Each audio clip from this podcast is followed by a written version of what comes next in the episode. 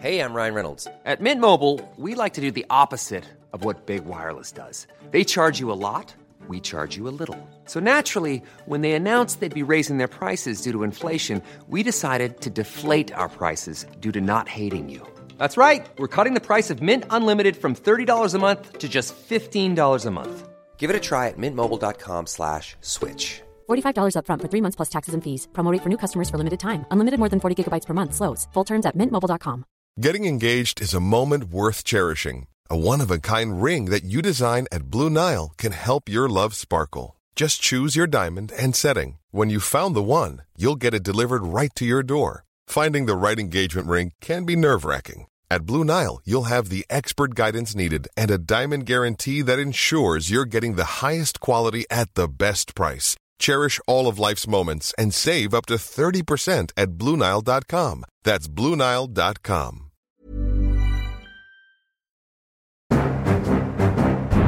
Da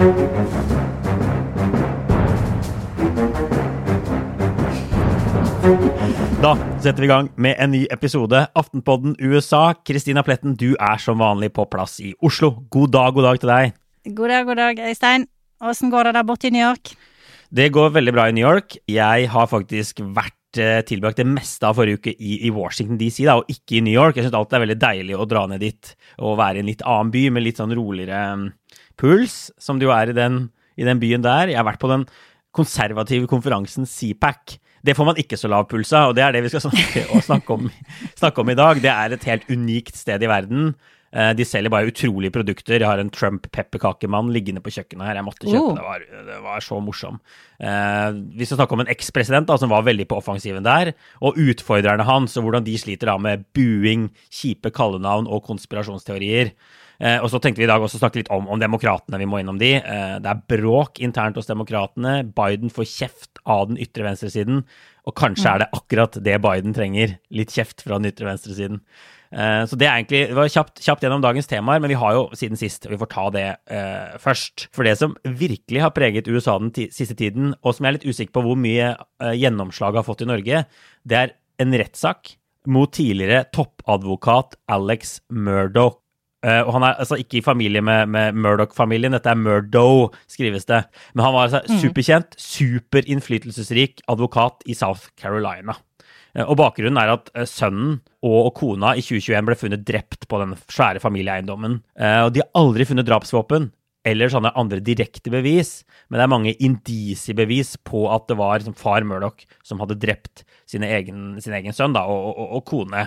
Uh, og det viser seg under rettssaken, som har pågått og blitt sendt live uh, på alle amerikanske kanaler, virker det som. Det er det eneste som hver gang jeg har slått på TV, nå har det vært en trial, så jeg følte, følte at jeg måtte bare sette meg litt inn i det til slutt. Det viser at han, han har vært pilleavhengig i mange år, stjålet fra advokatpraksisen sin, stjålet fra en klient med funksjonsnedsettelse, eh, stjålet fra familien til en avdød hushjelp, ikke sant, ordentlig grove ting. Det kom fra at han hadde løyet flere ganger under rettssaken og, og, under etterforskningen, og juryen ble veldig enig om at det var nok indisier da, til å dømme ham. Så de møttes i tre timer de, etter rettssaken og ga ham livstid uten mulighet for, for løslatelse. Så det er skikkelig sånn sosialt fall, hele den saken, og sikkert derfor den har fascinert Amerika. Jeg tror den har også fascinert eh, en del nordmenn, for det ligger en, eh, en sånn dokumentarserie på Netflix om denne saken. Og den er jo basert på eh, en artikkel, eller en artikkelserie i Wall Street Journal. Jeg tror det var en journalist i Wall Street Journal som liksom gravde opp mye eh, dritt rundt eh, han her Murdo og familien, da. Så jeg tror det er ganske mange nordmenn som har sett den serien og liksom kommet inn i saken gjennom det, da. Og det er jo en helt ko-ko historie. Den er jo helt sprø. Den er fra eh, North eller South Carolina, nedi der en Ja, plass? South Carolina. South Carolina. South Carolina, ja. Mm. Nei, det er en skikkelig spennende sak som nå har fått sin, sin foreløpige slutt, da. Så han er, er bak, bak lås og slå. Så det går an å se disse seriene. Det er flere serier som har blitt laget om det og sånn. Så det er noen sånn det, det blir jo mange Det blir jo folk drept i USA hver dag, ikke sant. Eh, og, og, men noen sånne saker får sånn helt vanvittig gjennomslag, da. Uproporsjonalt stort, får vi si. Eh, Ja. Og bare, bare fanger nasjonen på en helt sånn unik måte. Vi har jo hatt lignende ting i Norge også, med Orderud-saken og sånn, men, men ja. USA er helt, helt unike på dette her. Får vi si. Ja, og så virker det som folk har et sånn helt umettelig behov for sånn true crime. Det har jo blitt en egen sjanger både i bøker og dokumentarer og, og podkaster og alt mulig, da. Folk elsker det. Jeg er ikke så eh, hysterisk begeistret for det, må jeg bare innrømme, men eh, så ofte det er litt sånn mer deprimerende enn underholdende. Ofte Ja. sånn veldig groteske saker, og, og så vet du at det faktisk har skjedd. Eh, I don't know. Ja, Det er ikke, ja. ikke helt min cup of tea. Aftenpodden USA kommer ikke sakte, men sikkert til å bli en truth crime, true crime podcast. Det kan vi love. Det blir politikk for alle penga her. aldri. Ja, ja. Og det, det, mitt mitt sånn, siste punkt da, på, på siden sist er litt, litt sånn gossip-spalte i dag. Uh, Kellyanne og George Conway har jo fremstått som Washington DCs aller rareste ektepar uh, i mange år nå. Uh, Kellyanne Conway, sterk Trump-alliert, jobbet i Det hvite hus. Eh, fortsatt stor fan av Trump, så vidt jeg vet. Eh, snakket, eh, kjent for å snakke bl.a. om alternative facts, facts og sånn. Hun har liksom gått langt da, i å forsvare presidenten. George Conway, mannen hennes, en av USAs fremste Trump-kritikere på nett og i, sos altså, i sosiale medier overalt. Og hvordan de har kunnet være gift, har vært et stort, stort spørsmål for mange. Datteren har også vært i aktive sosiale medier og lagt ut en del ting om familien som sikkert ikke burde vært der. Det har vært litt rotete. Datteren Men- ville jo skilles fra foreldrene omtrent, ville ikke hun det en stund? Altså, det var eh, mye my- rart. Mye rart. Eh, Nå skal de skilles, eh, så det gir jo for så vidt liksom mer mening oppi hodet til folk, sikkert. da. Det har alle ventet på. I hvert fall sett utenfra. Så det var dagens lille sånn gossip fra DC-spalte. Men du, skal vi bare gå over til hovedtemaet? Altså, vi, skal snakke om flere ting, men vi skal snakke om CPAC. Denne Mm. konservative, store konferansen som har liksom pågått i mange tiår. Det er nesten en slags Mm. sånn politikkfestival for den konservative høyresiden i USA. Eh, og nå har de hatt Woodstock for konservative, ja, er det ja, noen som har kalt. Ja, det er folk har kalt den mye forskjellig. Mye forskjellig, men, men den har altså vært eh, nå funnet sted, altså årets uh, versjon, årets hovedutgave, uh, utenfor Washington DC, National Harbor i Maryland, og det er der jeg også har vært noen dager, og, og fått med meg det som må kunne kalles liksom elleville Trump-dager, tenker jeg. Jeg skrev ned, Mm. eh, etter jeg hadde hentet akkrediteringen min og gikk inn i messelokalet, så skrev jeg ned Man går jo forbi masse sånne samtaler, og skrev ned noen av de første tingene jeg hørte. Og det ene, første jeg hørte, var sånn I'm from Taxachusetts, var det en dame som sa. Så hun er da fra Massachusetts, så vidt jeg skjønner, men misliker stort at det er skatt i den delstaten, da. Eller i hvert fall høy skatt. Og så hørte jeg neste tingen var sånn It's a dating app for conservatives. En sånn fyr som drev og solgte inn en sånn ny app som kunne liksom, hvor man slipper å date liberale, da, for de vil kanskje ikke dater konservative. Så de har bygd opp det her. Jeg snakka også litt med han. Og så hørte jeg også noe sånn Marxists killing the American family-greier. Det var liksom de tre første tingene jeg hørte da jeg kom inn der. Så det er på en måte der lista ligger i gangene på, på CPAC. Eh, Men, men messeområdet er altså, det er altså en stor sal hvor det holdes taler gjennom da tre dager. Og så er det også et sånt mm, mer sånn messeaktig område med boder, hvor de selger sånn eh, patriotiske mobilabonnementer, sigarer med conservative branding, sånn litt konservativ parfyme, liksom, sånn, som er litt sånn kul og, og branda da, mot det konservative USA. Du kunne få sånn kjøpe stiletthæler. Er den parfymen kul? Ja, altså, Altså, jeg, jeg vet ikke, sikkert, sikkert i, i den verden her. Jeg kjøpte ikke, jeg kjøpte ikke I den den her. Og jeg kjøpte heller ikke disse Trump-stiletthælene som noen hadde laget, med sånn, masse sånn glinsende perler på, sånn, hvor det sto liksom Trump. Eh, veldig stilig, og sånne vesker man også kunne få kjøpt. Men jeg sto og snakka litt med en dame som solgte altså disse Trump-pepperkakemennene som jeg nevnte. Eh, noen små, og noen sånn helt enormt eh, store. Og hun driver altså et bakeri i Massachusetts, og har tydeligvis spesialisert seg på litt sånn poli politiske Taxachusetts, politiske eh, figurer, da. Eh, og bare helt sånn, Ja. helt fascinerende den verden av merch. Altså, jeg mener sånn, norske politiske partier har så mye å lære. Vi har hatt sånn Erna er stjerna-T-skjorter. Jonas Gahr Superstar var noe sånne greier, men det er jo bare liksom noen T-skjorter og noen noe, sånne tote bags. Ja, altså her bør eh, norske politikere kjenne sin eh, besøkelsestid.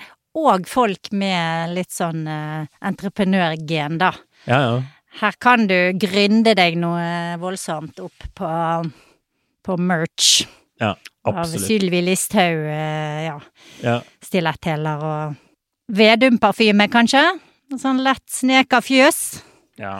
I Norge er det sånn at folk strikker sin egen genser da, ikke sant, isteden, eller broderer Ja. noe greier. Eh, Ja. Men, men ja, ikke sant.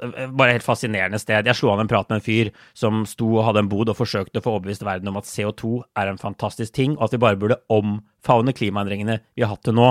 Eh, fordi han viser liksom CO2 er en byggesten i naturen og bla, bla, bla. ikke sant? Og, og han mener liksom at den lille oppvarmingen da, som han kaller det, som vi har hatt til nå, er bare vært kjempebra. Og det er digg at det er litt varmere, og dør, dør mange flere av, av kulde enn av hetebølger. Uh, og disse øyene de kom til å klare seg, mente han også, ute i, ute i havet. Han hadde jobbet for Trumps innenriksdepartement og hadde kone fra Bergen og hybridbil. Så det er Wow. fascinerende, mye fascinerende mennesker man møter. Kan ikke være helt ille da, når han er gift med en fra Bergen. Kanskje ikke. Kanskje ikke.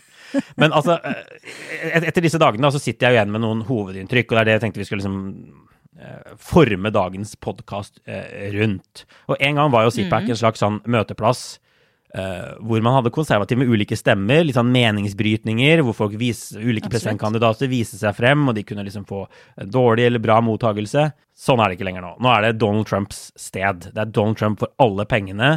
Og en del styrer unna også konservative amerikanere fordi det har blitt så ekstremt. At Trump vant valget i 2020 er helt sånn mainstream. Det mener alle jeg har snakket med.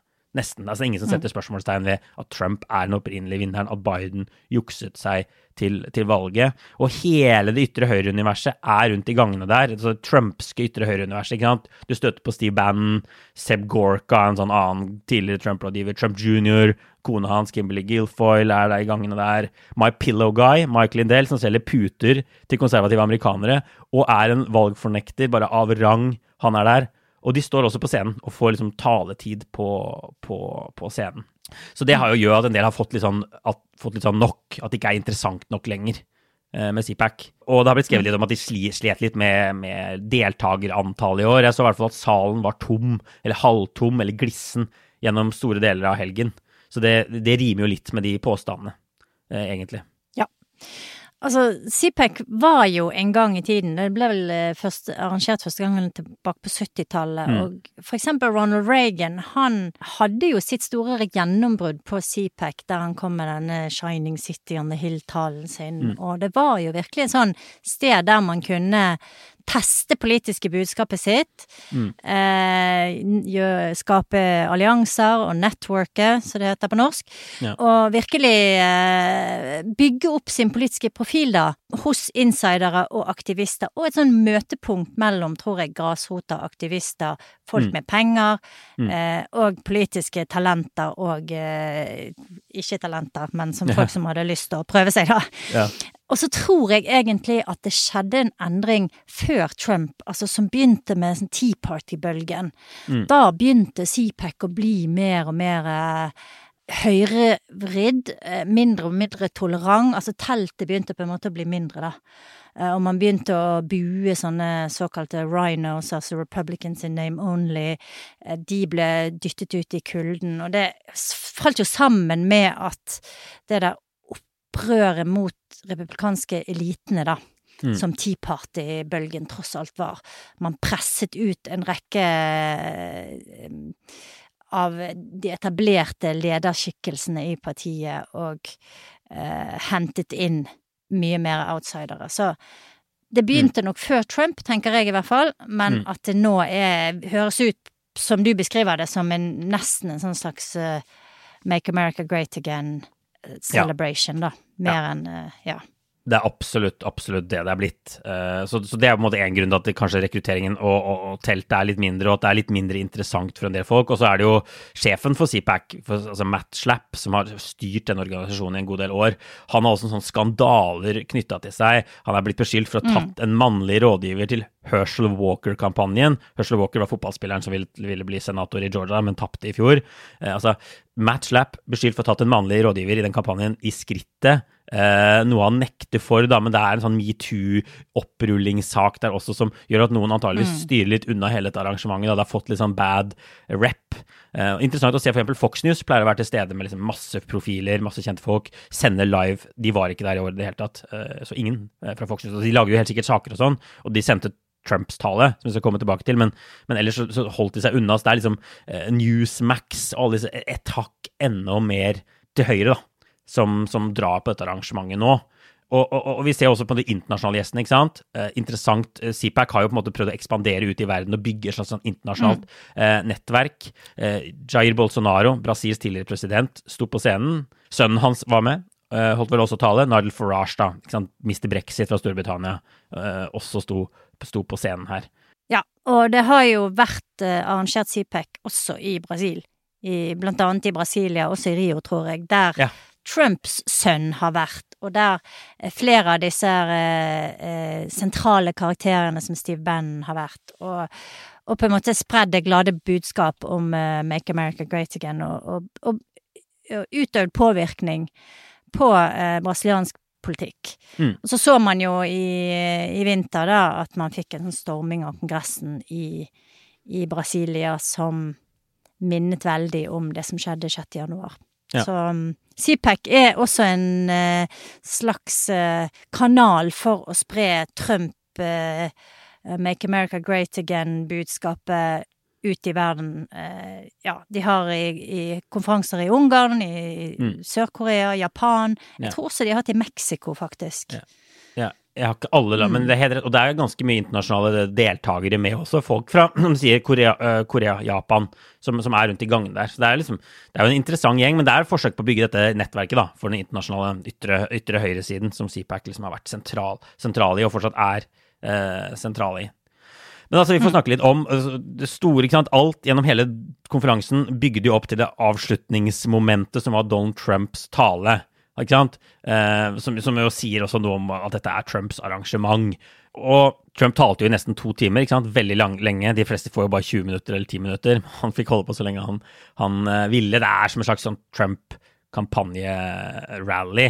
Eh, og Trump var jo krigersk, og absolutt ikke noe mindre ekstrem enn tidligere eh, i det han sa. Han kalte seg jo selv 'jeg er krigeren deres', 'jeg skal gi dere rettferdighet', 'jeg skal gi dere hevn', da, eller gjengjeldelse. Ikke sant? Salen roper at de elsker han, og så kommer han med sånne der, um, ulike typer politikk som fremstår som ganske ekstrem. Han sa han vil kaste ut illegale innvandrere i sitat, 'den største deporteringsaksjonen i amerikansk historie'. Ikke sant? Så det er kjente toner. Uh, han vil bygge nye fri... Og så er det sånne, mer sånne andre ideer, som han vil bygge noen frihetsbyer rundt omkring i USA, der det er liksom ledige landområder, eh, med antall av konservative frihetsbyer. Og så vil han plutselig innføre en babybonus for å få fødselstallene. Så det er litt sånn, litt sånn spe på med litt sånn eh, ymse, ymse politikk, da. Eh, Men det, det som vi har vært innom flere ganger på denne podden, da, er at Trump igjen er klokkeklar på at han ikke skal kutte i pensjonssystemet, ikke kutte i helseforsikringen for eldre, altså Medicare.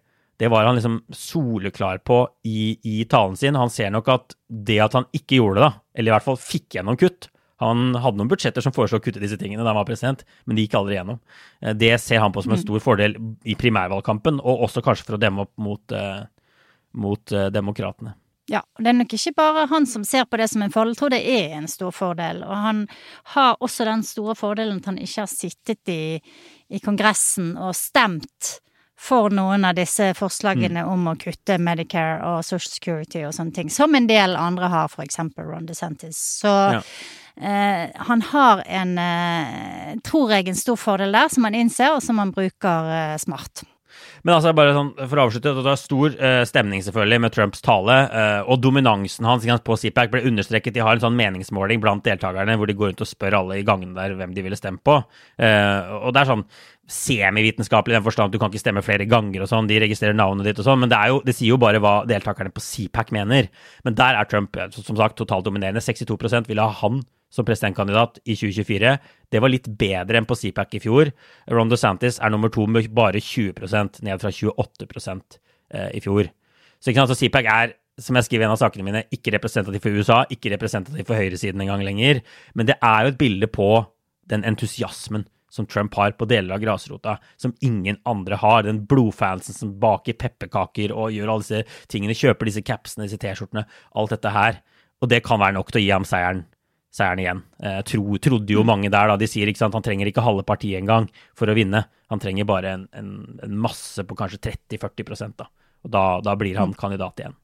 Men sånn sett utenifra og av mediedekningen i amerikanske aviser, TV-kanaler og sånne ting, også på høyresiden, den har vært veldig lunken når det gjelder CPAC og Trumps tale også. De har ikke fremstilt det som om dette var en kjempestor seier for Trump, men heller som om dette var litt sånn mislykket arrangement med litt sånn halvfulle saler, der det Litt sånn at dette var noe litt sånn sært som skjedde på siden av det egentlige viktige i politikken, da. Jeg vet ikke hva ditt eh, inntrykk, om det stemmer overens med det du opplevde? Det stemmer i hvert fall overens med sånn jeg leser mediebildet og dekningen av det her. De sier at Trump, liksom, talen hans er kjedelig. Det er veldig langt å tale i nesten to timer. Det er kjedelig, ikke sant? Jeg lagde meg sånn transcript av talen. Jeg har sett store deler av talen, men så bare printa jeg ut liksom, Fikk en sånn datamaskin til å bare sprinte, printe ut hadde sagt, så jeg slipper liksom se hele greia. For det er lenge. Det er kjempelenge å kreve uh, at folk skal følge med. Og det, jeg tror det stemmer at uh, altså, deltakertallet var lavere. Uh, og, og, som sagt, glissen sal og sånn. og det er jo ingen meningsbrytninger og sånn, så det er jo litt sånn på en måte litt sånn uinteressant òg. Det er jo en Trump-festival i tre dager. Jeg vet ikke, Samtidig, liksom, det er lett å undervurdere Trump. Det er den faren for å gjøre det igjen, da, at uh, det er jo en annen entusiasme der. Det er noen folk som vil bare som sier, De jeg snakker med, sier de, de vil aldri forlate Trump uansett hva han gjør. Og det er nok en del som, som vil det. Og her snakker vi ikke om Trump kan vinne valget i 2024, her snakker vi om han kan bli partiets kandidat. Så jeg tenker jo noen ganger når jeg er der sånn, at Trump kommer til å vinne igjen. Altså Man får den følelsen at Trump kommer til å bli kandidat igjen, når man snakker med disse folka. For det er en sånn entusiasme der som bare er så, så enorm, da.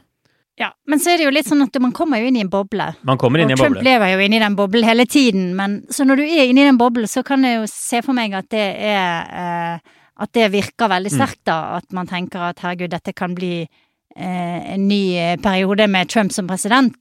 Men eh, utenfor boblen Hvordan er det der, ja. Som sagt. Der skjer det ting. Så, ja, ja. hvordan er det Og, og for eksempel Fox News, mm. da Åssen har eh, hele dette arrangementet blitt omtalt og dekket på Fox mm. News? Mm. De sendte vel ikke engang hele talen hans? Det kan, altså, de, de, jeg regner med at de kutter vekk av en så lang tale. Eh, de må jo ha noe reklame og sånn også inni der. Mm. Men, men, jeg ja, ikke sant, mye mindre dekning av hele dette arrangementet på Fox News. Det er ikke sant at har liksom har preget amerikanske liksom, medier i, i, disse dagene i det hele tatt. Det er litt lunkent. Absolutt litt lunkent. Og så får vi si at en grunn til det er jo også at det er en del av de viktige kandidatene som ikke kom dit. Uh, Ron DeSantis var ikke der, Florida-guvernør. Mm. Mange tror han kommer til å stille uh, mot Trump. Mike Pence, tidligere visepresident, var ikke der. Uh, sikkert smart, for de som kom dit, det var jo noen som ikke er på Trumps lag, som kom dit. Men de fikk en veldig kald mottakelse. Mm. Nikki Haley, South Carolinas tidligere guvernør og FN-ambassadør, som jo faktisk har utfordret Trump, hun hadde ekstremt labert oppmøte på talen sin. Trump gjorde narr av henne i sosiale medier for det. Hun ble buet ute i gangen, med møtt med sånn uh, We Love Trump-tilrop, ikke sant. Så det er jo ikke sånn veldig gøy å komme dit, mm. og det blir en del av omtalen din når du er der. Den saken om ikke heller vil alltid liksom bli dratt, dratt inn i tingene. Det ville DeSantis helt sikkert unngå. Uh, Mike Pompeo, da, Trumps uh, tidligere visepresident, uh, nei, Trumps tidligere utenriksminister, holdt også en lang og relativt sånn laber energinivå-tale. og ingen av de kritiserer Trump direkte, ikke sant. Og det er også litt sånn viktig. Jeg ser en del begynner å bekymre en del anti-Trumpere på høyresiden. At ingen av de er villige til å gå ordentlig i i clinch med Trump. Eh, de sier sånn indirekte ting som at de må ha en ny generasjon og bla, bla, bla. ikke sant? Vi har tapt mange valg på rad, eh, men, men ingen vilje til å, til å, ta et oppgjør med Trump. da.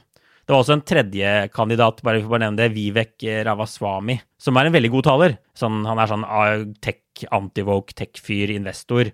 Men ikke sant, helt ukjent for de fleste. Masse folk som gikk ut av salen han gikk på scenen. Så han nådde jo ikke et stort publikum, han heller. Nei, jeg lurer på um, Du nevnte Pompeo som var utenriksminister, og jeg vet jo at Trump snakker jo mye om antiglobalisme, og det er eh, og innvandring, og det er egentlig de to tingene som har liksom litt sånn perspektiv utover USA, da. Men, mm. men var det noen som snakket om Ukraina, støtten til Ukraina, og tok noe standpunkt der? Jeg tror, jeg tror, mange er redde for å ta tydelige standpunkter, men det er jo veldig tydelig når man leser Pompeo og Haley at de står tett nærmere ved, ved Ukraina enn eh, en del andre. Trump sier jo sånn at han kunne laget fred på en dag og, og disse tingene her, men det er jo mye. Ukraina-kritikk fra scenen. For det er den Trump-verdenen hvor, hvor, det er en del folk som mener vi må liksom slutte å, å, å hjelpe Ukraina, eh, altså enten fordi regimet der er korrupt, eller den der, de tar den der andre vrien hvor det er sånn vi må heller fokusere på grensa vår mot Mexico. Eh, og ikke hjelpe Ukraina, mm. for det er liksom tydeligvis to sider av samme sak, da. Setter Sette det opp mot hverandre, ja. Mm. Veldig, veldig få varme forsvar for USA, så økt støtte til Ukraina, f.eks., fra, fra scenen der. Så der har de tatt en tydelig Men det er jo ikke sant det er også veldig lite snakk om inflasjon. Det er veldig mye snakk om kulturkrig, eh, transkjønnede, den type ting. Dette er jo det, det, de er helt manisk opptatt av. Hvordan de mener USA, altså USA blir ødelagt av, av venstresiden og, og hele den kulturkrigen. Men bare, bare, liksom, en, en, interessant observasjon for gangen der også er jo at Trump har gjort mye nå for å prøve å rive ned DeSantis. Han mener jo at DeSantis viser at DeSantis stemte for å kutte pensjonssystemet og helsesystemet da han var kongressmedlem. Og det er tydelig at dette er blitt et viktig angrepspunkt for Trump. Han har dratt det fram i Truth Social, dette sosiale mediet sitt, altså at, at DeSantis stemte for å kutte det. Han, skriver, han stempler også DeSantis som en sånn establishment-fyr, en rhino, Republican in name only. Og jeg må jo si, mange syns det er veldig trist at Trump og DeSantis krangler på denne måten, og de mener at liksom Trump burde angripe Biden og holde seg for god for det. Men det er også en del som har kjøpt deler av den Trump-kritikken. Eh, det var folk som altså ropte 'Ron the Soros' eh, da, da, folk sto og venta på inn, inn, på talen der. Som altså er en idé om at Ron DeSantis er i lomma på venstresiden, og da særlig denne eh, investoren, da, ikke sant, ukrainsk-amerikanske investoren Soros, som jo er et hatobjekt på, på høyre på høyresiden. Snakket med en dame som var veldig bekymret for at DeSantis fikk så mye penger fra venstresiden og sår oss penger, og mente det var et veldig dårlig tegn. Så det viser jo at den svertekampanjen Vanskelig å si, ikke sant, igjen anekdotisk, men at den har noe gjennomslag, da. Mm. Og man kan jo begynne å lure på, i hvert fall så merker jeg at eh, jeg har tenkt litt mer på det det siste, om, om, om det er en mulighet for at DeSantis rett og slett ikke stiller, ikke vil mm. gå inn i denne her eh, helt sikkert veldig opprivende og ødeleggende primærvalgkampen med Trump, som, eh, som er jo helt skruppelløs. Han bruker jo alt han kan av både sannheter, halvsannheter og usannheter til å angripe sine motstandere, da. Um, og det virker som om både DeSantis, men også til dels en del av disse andre, kanskje litt mer perifere kandidatene. Christy Noam har vi så vidt nevnt, guvernør i South Carolina, mm. nei, South Dakota, unnskyld. Uh, hun var jo heller ikke der. Nei. Ted Cruz var heller ikke der. Jo, De Ted Cruz sånn var der. Ted Cruz var der. Ted Cruz var der, ok. Ja. Og han, var, han, holdt en morsomt eh, seanse med JD Vance. Det var en av de morsomste tingene. De spilte inn en podkast på scenen ja. som var veldig lettbeint. Mm. Eh, så det var faktisk ganske gøy. Men Christy Noam har jo vært en sånn uh, um, stigende stjerne på CPAC i, i, i, mange år nå, og er liksom en av de som har virkelig fått mest uh, jubel og, uh, og blitt, blitt, løftet opp, da, som en sånn der um, kommende stjerne. Uh, og, og, jeg tenker at det liksom at hun og, både hun og DeSantis og flere andre holder seg unna, det, det handler kanskje litt om det der at de er litt redd for å bli svidd, rett og slett, mm. av, av, Trump, da. Mm. Ja. Og, og, heller forsøker å, å, unngå han så mye som mulig. DeSantis, og hans tilhengere. Si DeSantis holdt flere ta altså han holdt taler i California i helgen. Han har drevet med pengeinnsamling med en sånn Club for Growth, som er mye mer sånn mainstream republikansk organisasjon. Eh, så han, så han driver mm. jo absolutt på, men det er ikke umulig at han ser an litt hvordan hvor sterk Trump ser ut, hvordan det går på meningsmålingene. Fallet for Trump som kom etter mellomvalget, ser ut til å ha stoppet opp. Han har snarere liksom styrket seg litt på målingene i det siste. Det er sånn DeSantis kan vurdere da, før han eventuelt kaster seg inn. For ja, han vil neppe gå inn og så tape og så være liksom ødelagt som politiker. Sånn som noen av disse andre som har brent seg i kamp mot Trump har gjort, som nå ses på som helt uaktuelle for fremtiden. Jeb Bush og, og sånn type ting. Så, så det kan, da kan, ja, ja, vi kan nevne flere som er i den kategorien. Mm. A lot can happen in three years, like a chatbot may be your new best friend. But what won't change? Needing health insurance. United Healthcare Tri Term Medical Plans, underwritten by Golden Rule Insurance Company, offer flexible, budget friendly coverage that lasts nearly three years in some states. Learn more at uh1.com. Life is made up of many gorgeous moments. Cherish them all, big and small, with Blue Nile. Whether it's for yourself or a loved one, Blue Nile's unrivaled selection of expertly crafted fine jewelry and statement pieces help make all your moments sparkle. Blue Nile's experts are on hand to guide you, and their diamond guarantee ensures you get the highest quality at the best price. Celebrate a life well lived in the most radiant way and save up to 30% at BlueNile.com. That's BlueNile.com. Men en annen ting, bare som, for å avslutte hele den CPAC-runden, som, som jeg tenkte litt på, er jo mangelen på selvrefleksjon hos Det republikanske partiet. Dette er et parti som har tapt mellomvalg Eller, de tapte i 2020. De gjorde, selv om de fleste da på CPAC ikke erkjenner det, men de gjorde et ganske dårlig mellomvalg i 2022. Det er de fleste enige om. De gjorde et dårlig mellomvalg i 2018 også. Men det er ikke sant ingen snakk om at partiet må moderere seg, gå inn mot sentrum. Det er ingen sånn sjelegranskning. Hva har gått feil her? Hvorfor taper vi så mye? Hvorfor skuffer vi så mye? Og det er jo snarere ikke sant, det motsatte. De er en sånn hyllest av folk som har tapt valg. Så Carrie Lake, for eksempel, vi har nevnt henne før, hun stilte jo tidligere journalist. Eh, veldig kort politisk karriere. Hun stilte som guvernørkandidat i Arizona. Jeg tror hun trodde hun skulle vinne, mange trodde hun skulle vinne, eh, men hun tapte knapt mot demokratene. Så det eneste hun har gjort i sin korte politiske karriere, er å tape et guvernørvalg som mange trodde og mener partiet burde vunnet i Arizona. Men hun er helt på CPAC. Hun fikk en av de gjeveste taleposisjonene på en sånn middag, Ronald Reagan-dinner, og er bare sånn superstjerne i gangene der alle vil ha autograf. Hun driver også reiser rundt i landet og driver en slags sånn valgkamp, og han har jo ikke erkjent nederlaget av valget heller, og driver runder i rettssystemet, da, hvor hun også taper jevnlig rettssaker om, om, om, dette valget. Eh, og vi ser nå også andre steder i landet folk som gjorde det dårlig i mellomvalget de tar over ledelsen i sine lokale republikanske partier. Blant annet i Michigan har dette skjedd. En dame som heter Christina Caramo, som jeg faktisk møtte og snakka litt med på CPAC. Eh, hun er langt, langt ute på høyresiden. Eh, nekter vel for evolusjon og den type ting. Kjøpt en del konspirasjonsteorier og sånn. Hun har tatt over det lokale republikanske partiet etter å ha tapt så det sang i mellomvalget. Eh, for forsøkte å bli administrasjonsminister i Michigan. Og dette ser vi også andre steder i landet, og det er jo noe som fort kan bli et liksom, stort problem for, for det republikanske partiet, den dyrkingen av folk som ikke vinner valg. Ja, og så tenker jeg jo at det er noe med Er den dyrkingen over hele fjøla, eller hører mm. dette til det samme, eh, ja. samme økosystemet som CPEC, da? Og, og vokser det da frem noe annet utenfor det? Eh, som handler om de som faktisk har vunnet. Vi har snakket om det før, for mm. eksempel mm. Kemp i eh, Georgia, Glenn Youngkin i Virginia. Mm. Eh, de har jo en del vinnere som, som, som kan på en måte ta partiet videre, da. Så spørsmålet er jo om det liksom Jeg lurer jo på om dette her er i ferd med å eh, Eller om det er første tegn på en slags splittelse som kanskje blir mer permanent, der ja. du får eh, til slutt to partier, altså. Ja. Det virker litt sånn for meg. Vi får, vi får bare se, ikke sant. Litt som i litt som med Nidaros uh, ja. Eh, forsamlingen, eller hva den heter i Arbeiderpartiet. Eh, ja, men absolutt. Og, altså, og, og primærvalget frem mot 2024 blir jo annet en kamp om hva partiet er og hvor det vil. ikke sant? Og nå virker det jo som Trump-gjengen det, det, virker som de foreløpig har ganske godt grep om ting, i den forstand at det er veldig lite kritikk av Trump. Mange bare prøver å etterape å være Trump light. Um, ikke sant? Så det vil ikke legge seg ut med han eller Carrie Lake eller noen av disse andre. Men det kan vokse frem noe annet. Og kanskje ikke er i 2024, men kanskje det er senere, da. Uh, det er helt enig. Altså, CPAC er, er i hvert fall uh, relativt sånn, et smalt arrangement, sånn det fremstår nå. Men det kan også hende CPAC endrer retning etter hvert.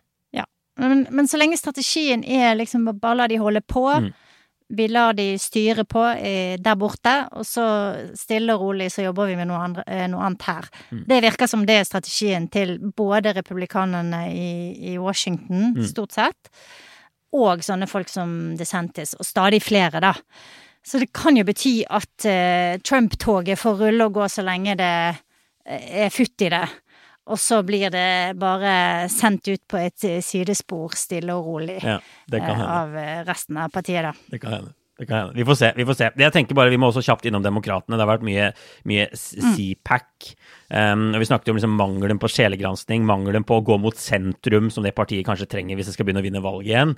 Det som er interessant, er at Biden tok en uh, høyresving i forrige uke. Og vi har sett flere, flere høyresvinger fra Biden egentlig i, i, i, det siste. Altså i hvert fall moderasjon, uh, at han ser mot sentrum erte på seg venstresiden i eget parti. Han fikk kraftige reaksjoner fra venstresiden i eget uh, parti. Og det er jo en fordel for Biden hvis han faktisk, hvis det ikke blir noen primærvalgkamp, og han faktisk kan drive en sånn general election-valgkamp, altså en, en, hovedvalgkamp, hele veien fram til 2024. Og ikke trenger å på en måte um, ja, gjøre ytre venstresiden til lags, da. Uh, nødvendigvis. I hvert fall ikke ved å liksom komme med veldig kostbare løfter og den type ting. Det Biden nå har gjort, er litt sånn komplisert, men men Washington DC har forsøkt å oppdatere en sånn eh, 100 år gammel kriminallov, som bl.a. setter regler for lengde på straff og sånn. Eh, den nye loven skulle øke straffen på noen ting, ran, overgrep, drapsforsøk. Men det som har blitt den store hete poteten, er at de også reduserte straffen på noen områder, og fjernet såkalte mandatory minimums, altså en sånn minstestraff det er lov å gi for en, for en dommer, og også senket liksom maksstraffen bl.a. på bilkapring. Så bilkapring er blitt liksom vonde saken her. Så høyresiden fremstiller den nye DC-loven som soft on crime, eh, ettergivende overfor kriminelle. Eh, Washington DC ser liksom har økende kriminalitet på noen områder. I hvert fall drapsraten er høyere enn den var før pandemien, f.eks. Um, eh, og derfor så så har det liksom blitt betydelig motstand. Og det som er liksom clouet her, er at Washington DC ikke er en stat. Så Kongressen kan kontrollere det som skjer i Washington DC i ganske betydelig grad. Så det republikanerne da mm. smart har gjort her, er å komme med et forslag om at den nye loven skal strykes, settes til side.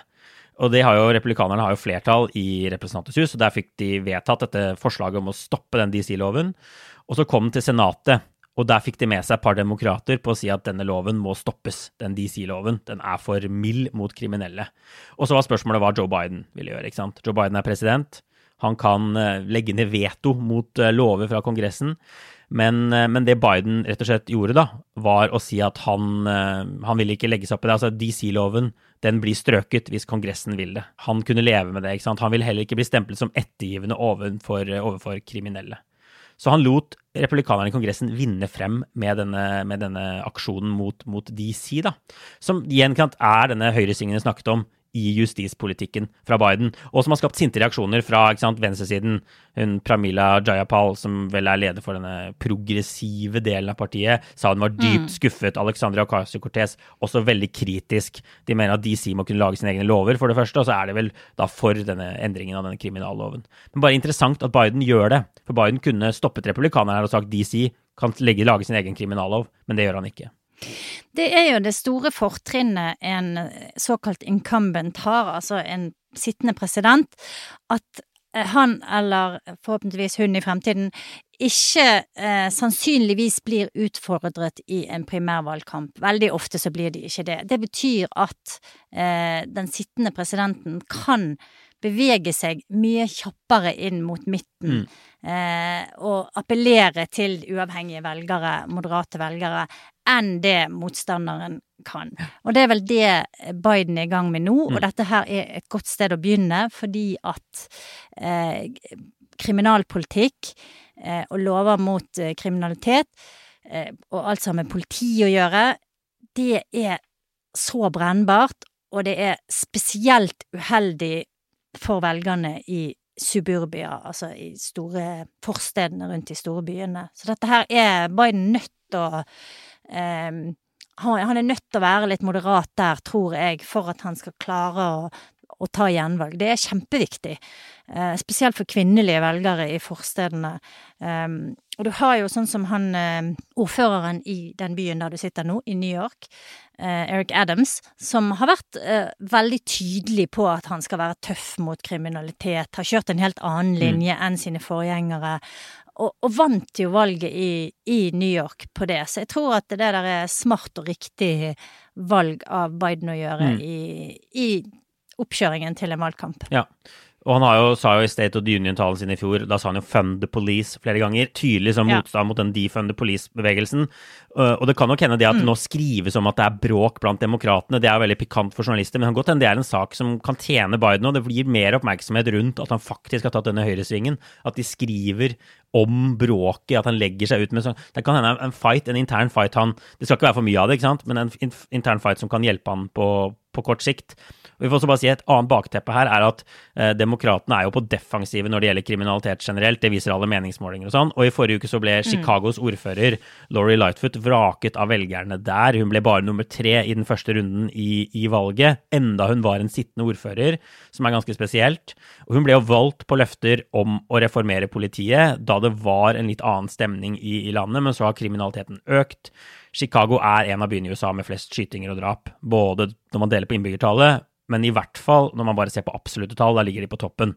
Det var vel 695 drap i fjor, som var litt, litt færre enn i, i 2021, men fortsatt liksom over det det var før, før, pandemien. Så det var en politivennlig kandidat, får vi si, som fikk flest stemmer, eh, som har gjort kriminalitet, mm. kampen mot kriminalitet til en fanesak. Og så blir det en sånn siste runde da, hvor han møter en progressiv, venstreorientert motstander. Så vi får se akkurat hvordan det der spiller seg ut. Men det var nok også en, nok en sånn vekker for demokraten, da. At de går på smeller i byene hvis de ikke um, tydelig viser at de kjemper mot kriminalitet the old fashioned way med politi i gatene ja. og, og, strenge straffer og ja.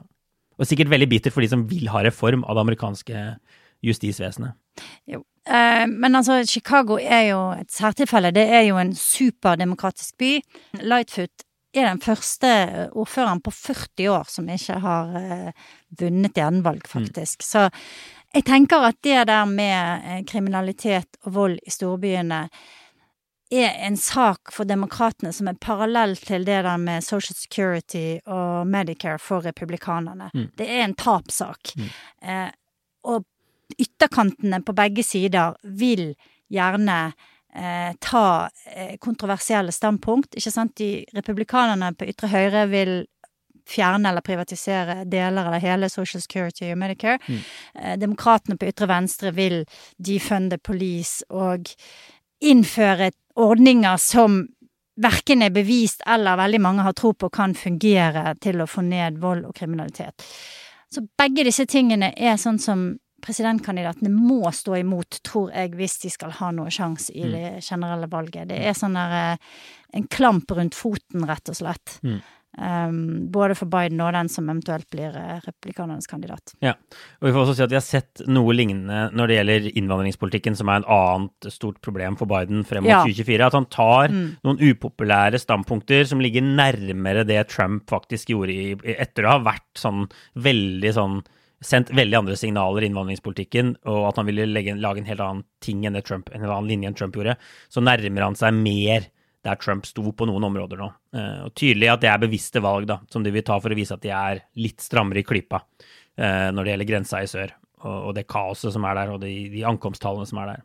Ja, og der har jo han faktisk brukt en uh, ordning som Trump innførte, som uh, liksom Der de brukte korona som uh, en slags unnskyldning for å Eller unnskyldning, kanskje feil ord, men de brukte korona for å iverksette en lov som gjorde at de kunne sende folk tilbake igjen da når de kom til grensen og ville søke om asyl. Eh, nå skal jo den fases ut, men da vil Biden forsøke å bruke en annen av de metodene Trump eh, innførte til å hindre at, at eh, asylsøkere skal komme inn og eh, søke om asyl i USA. For det, det som skjer, er jo at kommer de først ulovlig over grensen, så kan de overlevere seg sjøl til politiet, si eh, 'jeg vil søke om asyl', og da skal de egentlig etter regelverket slippes inn i USA og få oppholde seg i landet til saken deres kommer opp i retten, som kan ta flere år fordi at det er så lange ventetider, da, og hele systemet er overbelastet. Så et annet godt eksempel, som du sier, på Mm. at eh, Biden kjører litt sånn samme linje som Trump. Det er jo etter hvert ganske mange eksempler Ja, på det, ja, faktisk. det er faktisk det. det, er faktisk det. ja, så bottom line er vel at liksom demokratene prøver Vi ser tegner et ganske disiplinert budskap frem mot 2024, mens republikanerne Mhm. foreløpig er all over the place. Uh, og i hvert fall ikke på vei mot sentrum, som det ser ut nå. Og det er jo fordi de har en primærvalgkamp først. Ikke sant? Det er naturlig på et eller annet nivå, men også potensielt et stort problem.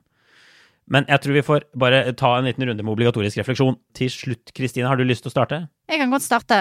Det har jo vært i flere år nå snakk om noe som heter Havanna-syndromet, med ujevne mellomrom. Og Mm. det er rett og slett um, en slags sykdom som folk på amerikanske ambassader fikk. De fikk eh, vondt i hodet, og de ble svimmel, og flere andre ting da, og ingen skjønte helt hvor dette kom fra.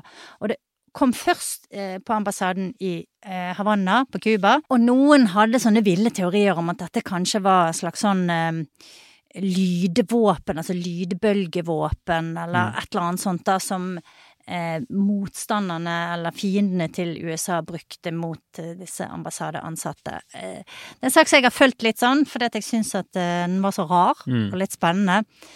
Men så har det nå kommet en rapport fra flere etterretningsbyråer i både altså FBI, CIA, flere av disse her har vært involvert, og sett på saken og konkludert med at de i hvert fall ikke kan stadfeste at dette er noe fiendtlig angrep på USAs ambassadepersonell, og at det heller ikke er noen noe sånn tydelig sammenheng mellom de forskjellige sakene i forskjellige land, da. Så det var jo litt, på en måte litt sånn skuffende, for det hadde vært litt spennende hvis noen virkelig hadde funnet opp et sånt rart nytt våpen, selv om det sikkert egentlig er, er bra, da. Ja. Ja. Men uh, uansett, det, det er jo en uh, en sak som har versert en del år, så Mm. vi kan jo Jeg skal ta oss og legge ut uh, lenke til den rapporten i vår Facebook-gruppe, Aftenpodden USA. Meld deg inn hvis ikke ja, ja. du er medlem allerede. Uh, og så kan jo du lese om det selv hvis du er interessert i rare fenomener. Ja. Jeg er enig. Havana syndrom er, syndromet er kjemperart. Eh, Kjemperart. Pussig sak, som kanskje ikke var så pussig likevel. Da. De har bare vært sjuke på, på egen Ja, kjøl. det er veldig kjedelig. Ja, ja. Ok. Du, min, min obligatoriske refleksjon er absolutt i den sånn nerdekategorien den uh, uka her. Jeg er ikke ferdig, men jeg leser en bok som heter Not One Inch av Marie Elise Sarot. Hun er en historiker med ekspertise på Sovjetunionens fall. Eh, Slutten av den kalde krigen. Eh, og Not One Inch, altså ikke en tomme, handler om noe jeg har tenkt ganske mye på. Jeg har dekket Nato i mange år, eh, fulgt Ukraina-krigen selvfølgelig tett. Og der har jo Russland en sånn fortelling om hva som skjedde med Nato og Ukraina, og hvordan Nato på en måte ekspanderte østover, og at det ble gitt masse lover og løfter om at det ikke skulle skje, men at dette har Vesten bare driti i når det kom til stykket. da. Det er på en måte kort fortalt Russlands, Russlands fortelling, og nå måtte de gjøre noe før, før det var for sent. Eh, Og Not, Not One Inch eh, går gjennom hele den historien eh, fra Sovjetunionens fall og gjennom hele Nato-ekspansjonen og hva som skjedde, og hvordan hun har fått tilgang til masse detaljer om samtaler mellom Russ, altså Sovjetunionen, USA, Tyskland, Frankrike. Veldig, veldig interessant. Og den ikke en tomme, da, eller not one inch, det er, et, det er jo noe av kjernen her. I hvert fall en del av kjernen. Og det er et sitat fra USAs daværende utenriksminister James Baker. Eh, Og det er det russerne sier. Han lovet at Nato ikke skulle flytte seg en tomme østover eh, mot at Tyskland skulle bli gjenforent og en del sånne ting. Eh, og det ble sagt i en samtale med, med Sovjets leder Gorbatsjov, denne not one inch-uttalelsen. Eh, men, men, men det som boken da gir et tydelig bilde av det jeg har lest så langt, er at russernes fortelling selvfølgelig ikke er helt riktig. Den er egentlig feil på noen områder, og det er mye mer nyanser her. Altså, Det var mange stemmer på vestlig side som, som ville gi Sovjet løfter om at det ikke skulle være noen ekspansjon av Nato da, da Sovjetunionen falt. Men det var også mange som mente det motsatte. Dette var en liksom løpende diskusjon. Noen drømte om sånn at Nato skulle eh, avløses av en sånn felles europeisk sikkerhetsorganisasjon. Det var mange ideer oppe i luften her. Eh, og noen sa vel til eh, sovjeterne at de mente at det kunne være en god idé, at Nato ikke ekspanderte østover. Eh, men det var liksom mer en del av en prosess hvor man tenkte høyt, da. Sånn som det fremstår i den boka. Det føles veldig sånn nøytralt beskrevet, hele den, eh, hele den eh, fortellingen. Og det sitatet 'Not one inch' er jo et veldig godt eksempel på det. Um, hun har jo med hele sitatet i boka av det Baker skal ha sagt til Gorbatsjov. Og da sier han What if you let your part of Germany go, and we agree that NATO will not shift one e inch eastward from its present position? Så det var stilt som et spørsmål. Hva hvis dere gjør det, så gjør vi det. Så også en hypotese, ikke sant? Ikke et sånt løfte. Og disse løftene står heller ikke i noen endelige avtaletekster. Som ble, det ble jo laget avtaler her, og de ble undertegnet av begge parter. Men det er bare en fascinerende og sykt viktig del for å si, av europeisk historie og, og Nato som hun, som hun går Ja. Og veldig aktuell Og, i, med ja. Ukraina-krigen og alt sånt. Ja. Ja, superaktuell. superaktuell. Så det er liksom, det er, en, det er mye detaljer, men, eh, men Not One Inch er eh, Hvis man er interessert i det her, så er det en superbok å lese, tenker jeg. Nå tror jeg vi får sette strek. Er du klar for det? ja. Det er jeg glad for. Ja, bra. Du, da da, da eh, får vi bare ønske alle lytterne en god uke, og så er vi tilbake om syv dager. Og inntil da får alle ha det bra. Ha det, ha det.